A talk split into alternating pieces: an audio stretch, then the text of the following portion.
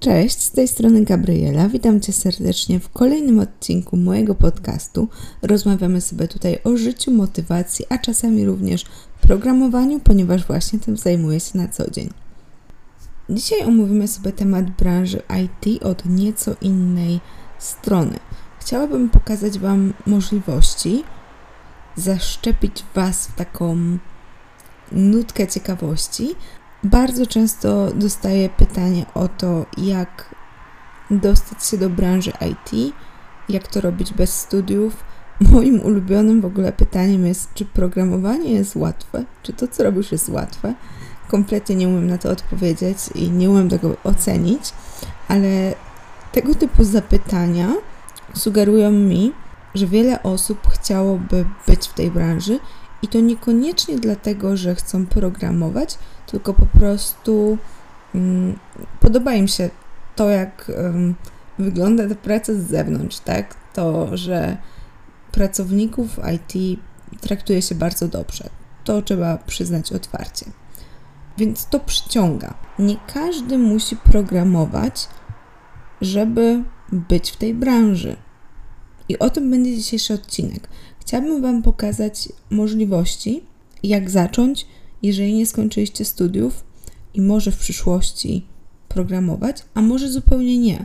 Może obrać totalnie inną drogę, o której istnieniu nawet nie macie pojęcia, dalej być w tej branży, korzystać ze wszystkich benefitów, ale robić to, co lubicie. Bo jeżeli ktoś nie lubi matematyki, rozwiązywania problemów tego typu, to ja nie widzę sensu, żeby się męczył. Bo jest tyle różnych ciekawych rzeczy, które można e, robić w XXI wieku i dużo przy tym zarabiać, naprawdę żyć sobie komfortowo, że, że po co robić coś na siłę.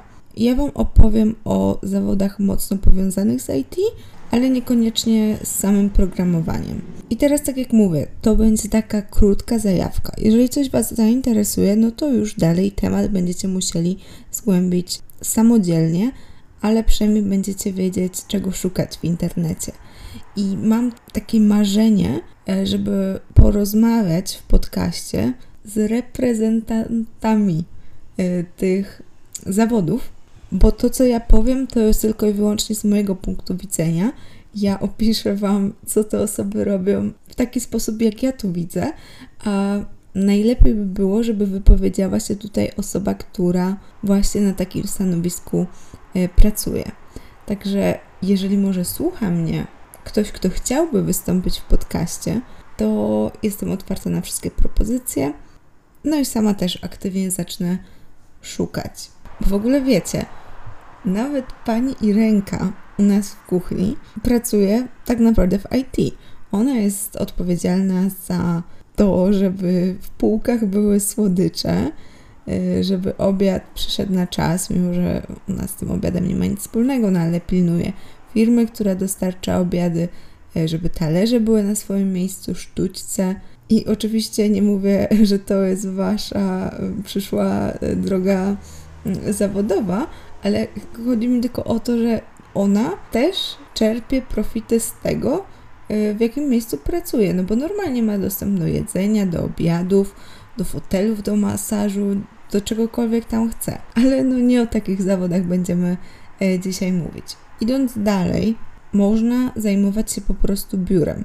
Ja nie mówię tutaj o właśnie kuchni i pani i ręce, ale Office Coordinator, e, ciężko mi znaleźć polski odpowiednik, to już całkiem odpowiedzialna rola i jak widziałam jakie obowiązki należą do tej osoby, teraz u nas to już nawet dwóch, to to jest naprawdę dużo pracy.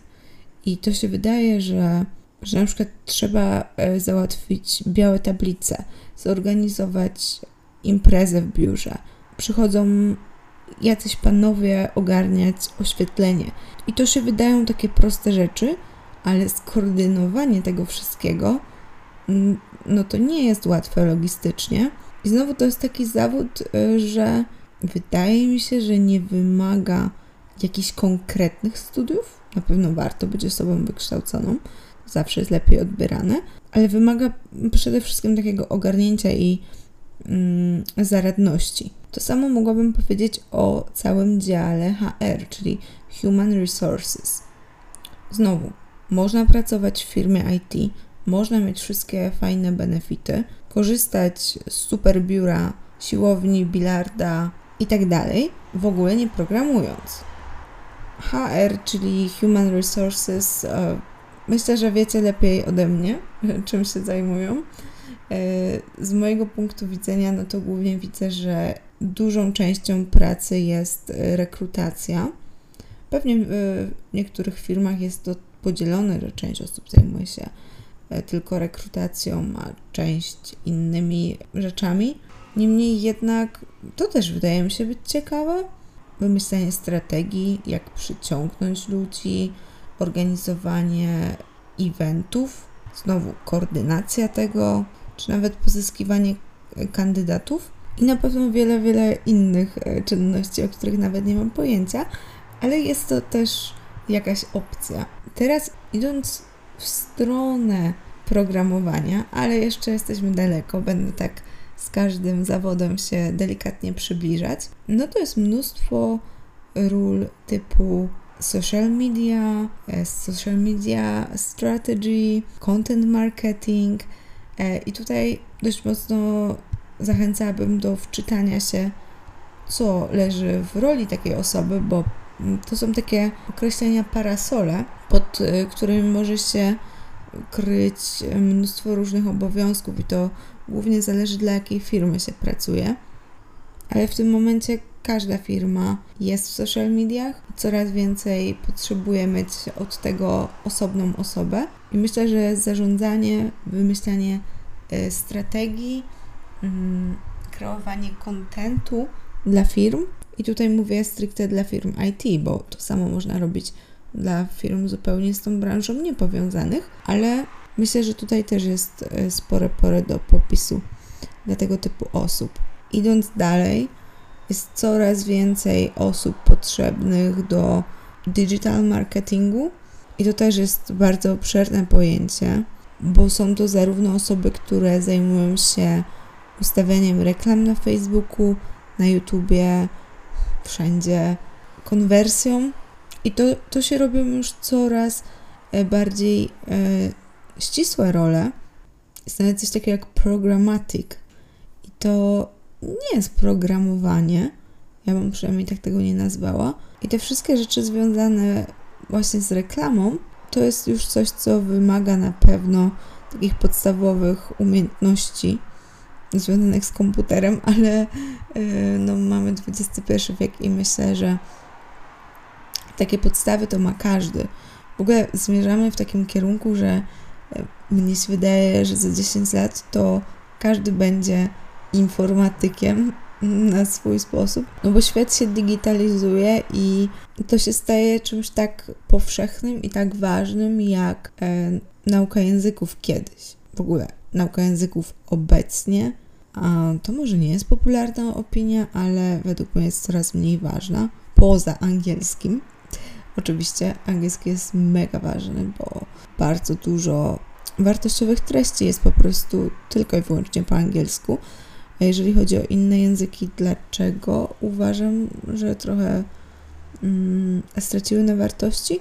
No bo jest coraz więcej rozwiązań wspierających nas w komunikacji.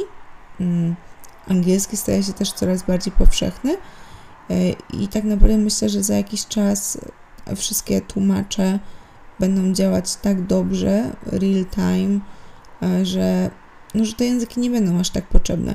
Oczywiście lepiej umieć niż nie umieć, ale e, ja na przykład stojąc przed wyborem pouczyć się nowego języka, czy pouczyć się nowego języka programowania, no to wybrałabym nowy język programowania. E, uważam, że to jest znacznie bardziej e, użyteczne. No i też dla mnie ciekawsze. Anyway, to była taka mini dygresja. Wracając do pracy e, w IT, to takie programowanie reklam, analiza danych potem, to myślę, że są zawody, które będą się stawać coraz bardziej popularne. Idąc jeszcze dalej, no to mamy projektantów stron internetowych. I czasami zajmuję się tym UX, czyli User Experience, tak się rozwija ten skrót. i ta osoba zajmuje się projektowaniem tego, co widzicie wchodząc na stronę, a czasami jest osobna osoba, taki projektant, tak jak projektant ubrań, i dopiero następnie wkracza UX, który nie tylko zajmuje się tym wyglądem, tylko też na przykład jak ustawić przyciski, żeby było bardziej intuicyjnie, mm, tak żeby wasze doświadczenie, jak jesteście na tej stronie, było e, jak najbardziej przyjemne, tak, żeby właśnie bez czytania jakichś instrukcji można było się połapać, e, jak z takiego produktu korzystać. I obie te role są według mnie bardzo ciekawe. Myślę, że wymagają już jakiegoś wykształcenia, może niekoniecznie skończenia całych studiów, ale kursów. I z tego co wiem, taka praca jest bardzo ciekawa.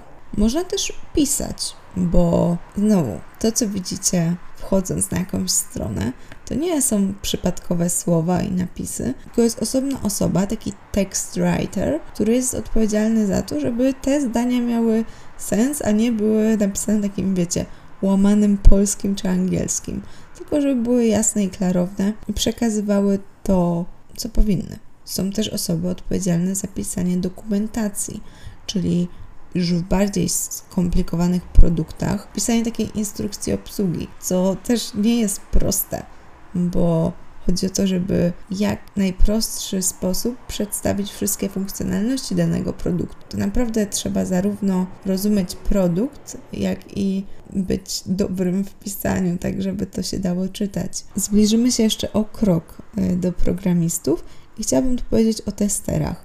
Znowu, bardzo rozległy temat bo można być e, testerem w firmie robiącej gry e, i faktycznie to wygląda tak, że siedzi się i gra się w gry. To jest dobra rola na start, dobre wejście do tej branży, jeśli chce się potem projektować gry e, albo pisać nawet gry, wiadomo, wtedy trzeba się czegoś tam douczyć, ale już jesteście w danej firmie i możecie iść dalej i dalej. I mm, znam przykłady osób, które właśnie w ten sposób e, zaczynały i myślę, że to jest całkiem fajna ścieżka rozwoju.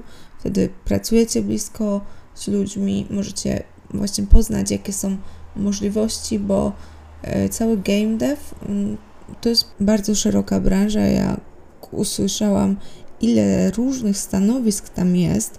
Są na przykład ludzie odpowiedzialni tylko i wyłącznie za oświetlenie w grze.